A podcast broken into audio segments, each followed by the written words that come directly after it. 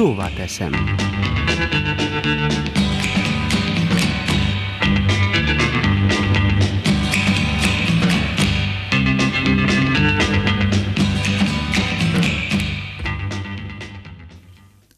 Köszöntöm a hallgatót!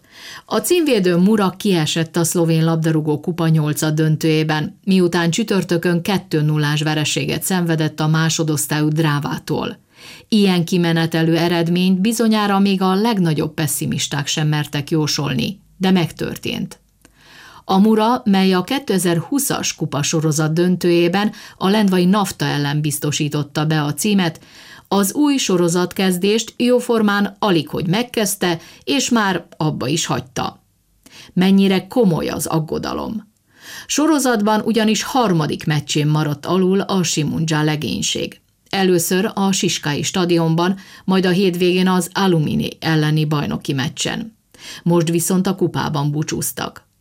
A Fácánkertbeli klub vezetői előtt komoly feladat áll. Megtalálni a válaszokat, és megfelelő módon kezelni a válságot, amennyiben válságról van szó.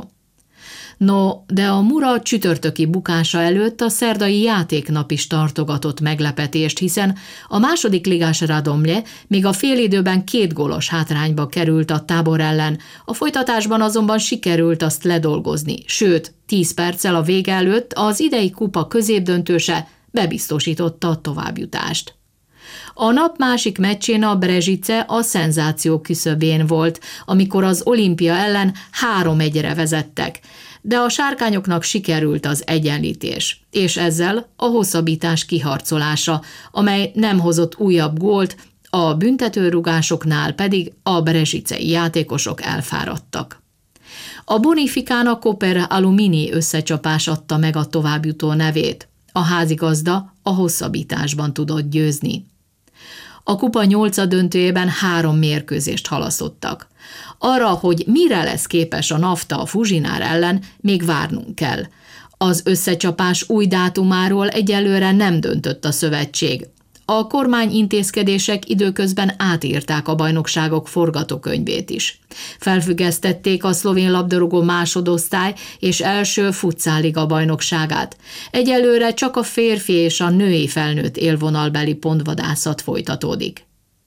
A hétvégén megtaláltam a legendás focista, a világ egyik legismertebb és legjobb labdarúgója, a brazil Pelé egyik kisfilmjét.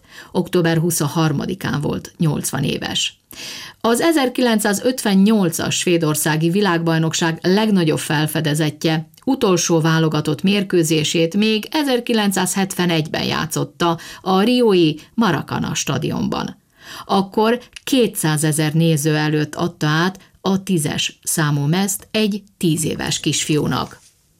Az évszázad játékosának, az évszázad sportolójának életnagyságú szobrot állítottak idén februárban. Todo mejor maestro, minden jót mester. Azt meg, hogy a szlovén vagy a magyar kormánytagok közül kilőtt a héten öngolt, kikapott pirosat vagy sárgát, és ki volt leshelyzetben, döntsék el önök. Vigyázzanak magukra és másokra.